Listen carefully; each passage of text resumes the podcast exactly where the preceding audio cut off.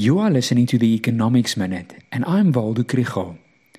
I've talked in a few episodes about the impact that Russia's invasion of Ukraine has on the economy.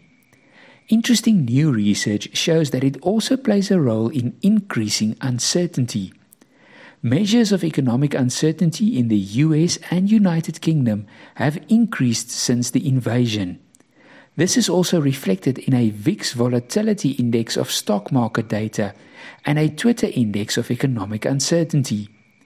These indices are now as high as early in 2021 when the Delta variant of the coronavirus was spreading around the world.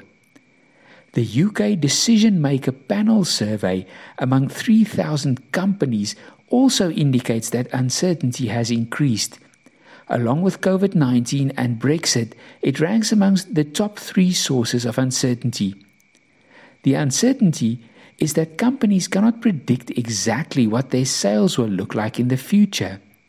If the real income of consumers are under pressure, they will only focus on essential expenditure, and this will affect spending on restaurant meals, holidays, and clothing.